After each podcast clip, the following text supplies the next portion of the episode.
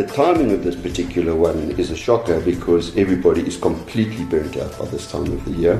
You know, concentrated all in a very short space of time that everyone must come forward at a time when everybody's going on leave. Ek sê nou polisiestasie toe gegaan het met die idee dat dit 16 days of activism. Julle moet my help. Julle behoort op die bol te wees met dit nou. Hoe weet jy nie dat hierdie nou tyd is wat jy moet aksie neem? Al hoe meer is daar individue en organisasies wat opstaan wat die regering se werk oorneem. Want hulle doen dit nie. Hulle kan ons nie ondersteun nie. Daar is net nie hulp nie. Praat jy met nie regeringsorganisasies landwyd oor die veldtog, is die gevoel oor die algemeen dieselfde. Dit werk nie en hulle is nie meer betrokke by enige byeenkomste in die tyd nie. En praat jy met voormalige slagoffers van geweld, kom jy vinnig agter dat ook hulle nie ooghare het vir die veldtog nie. Een van die vroue wie se storie deur die loop van die week gedeel gaan word, sê juis dit was moeiliker om hulp te kry by die polisie tydens die veldtog ek sou na 'n polisiestasie toe gegaan het met die idee dat dit 16 days of activism. Julle moet weet, julle behoort op die bol te wees met dit nou. Kyk, daar's polisiestasies wat wonderlik is, wat wonderlike victim empowerment units het en dan is daar polisiestasies wat dit nie het nie. En die frustrasie vir my altyd was in daai periode, julle moet weet. Dis oral. Hoe weet jy nie dat hierdie nou tyd is wat jy moet aksie neem vir dit nie. Ek sou verwag het dat hulle meer sou gedoen het tydens daai tydperke wat absoluut net nie gebeur het nie. By die Children's Memorial Institute in Johannesburg onderstreep 'n spesialis op die gebied van kinderbeskerming en ontwikkeling, Luke Lamprecht, ook die verskynsel. The problem is is first of all the system in general can't manage the cases, but secondly you're not concentrated all in a very short space of time that everyone must come forward at a time when everybody's going on leave. So you run these people into December where they're unraveling and then there's no services because everybody's on skeleton staff. And then where's the services? Verder sy bewusmaking is nie noodwendig dieselfde as om iemand se ingesteldheid te verander nie.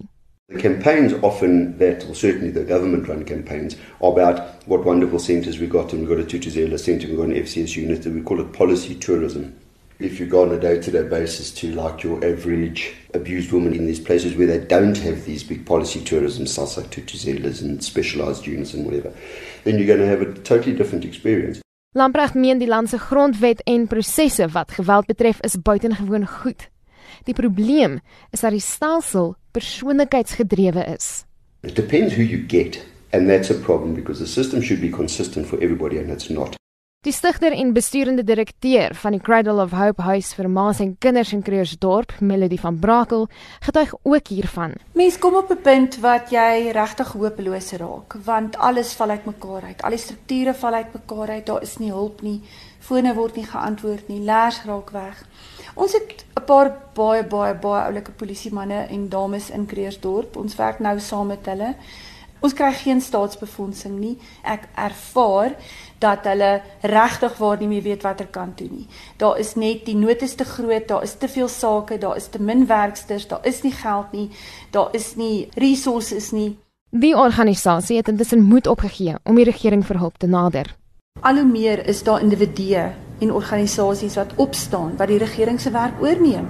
Want hulle doen dit nie, hulle kan ons nie ondersteun nie. Daar is net nie hulp nie. Intussen meen Lisa Wetten, 'n senior navorser en aktivis aan die Wits Universiteit, dat gebrekkige befondsing ook 'n vorm van mishandeling is en dat dit sigbaar is in verskeie provinsies. Budgets are expressions of policy. So it's very nice to stand up and say the right things. The real test is putting your money where your mouth is and seeing what money you have given. At this point, it really is quite pitiful. Volgens haar behoort dit nie noodsaaklik te wees vir die organisasies om die hand uit te steek nie. Women have a right to be free from all forms of violence. They have a right to psychological integrity. And as part of that right, they are entitled to services and other kinds of interventions that uphold that right, like shelters. So, no shelter should be put into a position where it has to go out and beg for charity. The state should be giving sufficient funding, and that we as a society should be contributing money or other kinds of resources to shelters as an expression of social solidarity. In die afgelope 12 jaar is daar tog vordering gemaak wat wetgewing en die beskikbaarheid van sekere dienste betref, maar met die swak ekonomiese klimaat glo wetten dat slagoffers van hulp ontneem word omdat hulle nie finansiëel geprioritiseer word nie. Things seem to have gotten stuck. I think it's had a lot to do with the last decade under Jacob Zuma. He was a leader who did not prioritize matters of violence against women and was engaged in another project to take money elsewhere. So I think that last decade was a massive setback. There isn't the money. Now, when you really need the money, we don't have it.